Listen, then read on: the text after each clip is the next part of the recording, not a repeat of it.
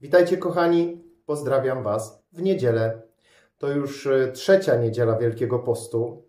E, ten Wielki Post zaczyna nam się rozkręcać. Rzeczywiście mija już sporo czasu od Środy Popielcowej.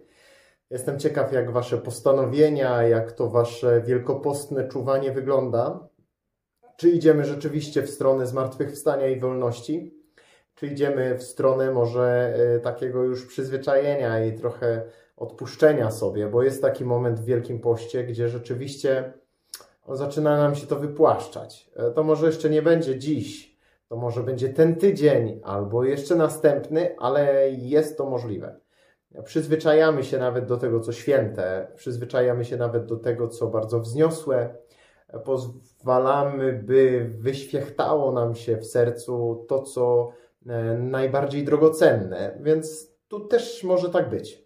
Czuwajmy nad tym, żeby zły nie wykradł nam tej łaski, którą daje nam Bóg, żeby nie wykradł nam tego słowa, kiedy w waszych sercach zacznie się rodzić jakieś znużenie, e, no to trzeba wtedy jakoś zainterweniować. To może być e, albo zmiana sposobu modlitwy, to może być e, na przykład jakiś dzień trochę luźniejszy po to, żeby złapać oddechu, jakiś dłuższy spacer, przeczytanie czegoś, przykład jakiegoś artykułu, fragmentu książki, coś, żeby tak rozgrzać swoje serce na nowo, jakby powrócić do pewnej pierwotnej e, gorliwości, też właśnie w tych naszych postanowieniach i wielkopostnym dążeniu.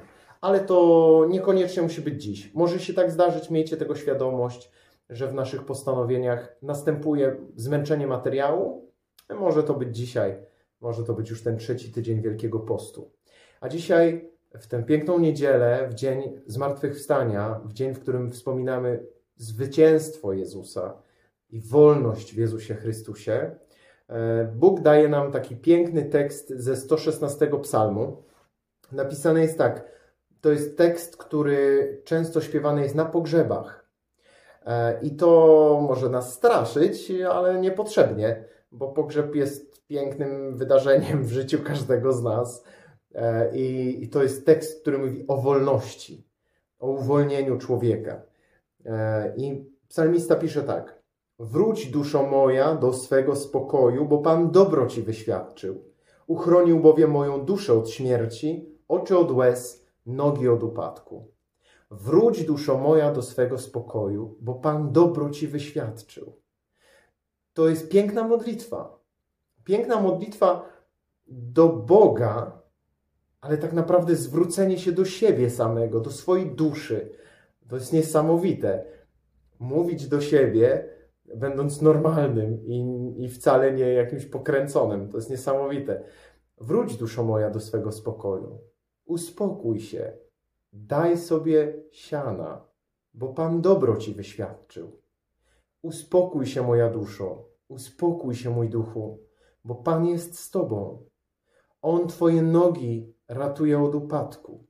On Twoje życie ratuje od zguby, oczy od łez. On Cię ratuje. Przestań się martwić. Uspokój się. To jest naprawdę dobra modlitwa. Wróć, duszo moja, do swego spokoju. Moja dusza często nie jest spokojna. E, a Pan mówi: wróć do swojego spokoju, bo ja chcę wyświadczyć Ci dobro bo chcesz, żebyś doświadczył mojej łaski. No niesamowite.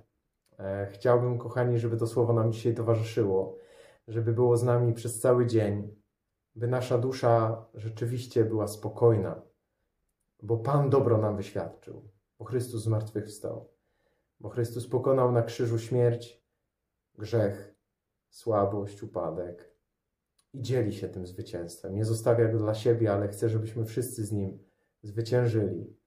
Wróć, duszo moja, do swego spokoju.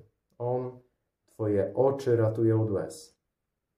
Nawet jeżeli dzisiaj mamy powody do smutku, do płaczu, Pan jest od tego większy. Niech to będzie nasze doświadczenie dzisiaj, kochani.